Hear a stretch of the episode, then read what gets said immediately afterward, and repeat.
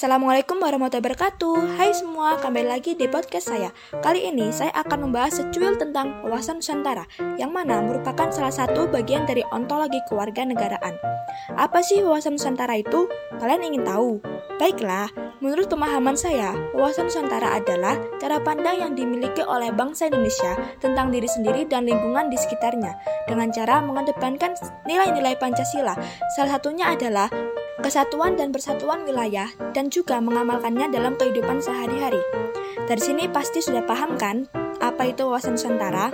Oke, saya lanjutkan. Wawasan Nusantara ini mempunyai dua landasan, yaitu Undang-Undang Dasar 1945 dan Pancasila yang menjadi landasan konstitusional. Dan apa sih faktor-faktor yang mempengaruhi adanya wawasan Nusantara? Jadi begini, Faktor-faktor wawasan Nusantara ada tiga macam, yaitu geografi, geopolitik, dan geostrategi. Pasti kalian bertanya-tanya nih, maksud dari masing-masing faktor tadi apa? Baiklah, saya akan menjelaskannya dimulai dari faktor geografi. Faktor geografi, untuk memudahkan dalam pelajarinya, kita perlu mengetahui tiga aspek dalam konteks negara Indonesia, yaitu Kepulauan Indonesia, konsep wilayah laut, dan karakteristik wilayah Nusantara. Jadi dapat dipahami bahwa faktor geografi cara pandang bangsa terhadap kekayaan alam yang dimiliki Indonesia sendiri. Kemudian faktor geopolitik.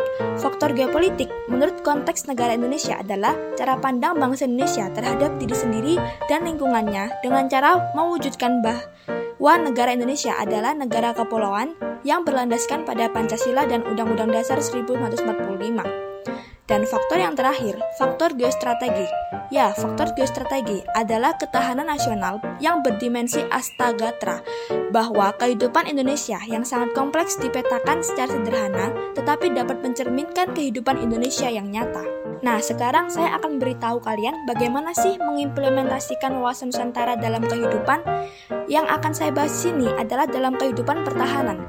Jadi, implementasi wawasan Nusantara dalam kehidupan pertahanan dan keamanan dapat menumbuhkan kesadaran cinta tanah air dengan cara membentuk sikap bela negara pada setiap warga negara Indonesia yang menjadi modal utama penggerak dalam mengatasi setiap bentuk ancaman yang dapat membahayakan keselamatan bangsa dan kedaulatan rakyat. Gimana teman-teman, sudah paham kan? Semoga sudah paham ya.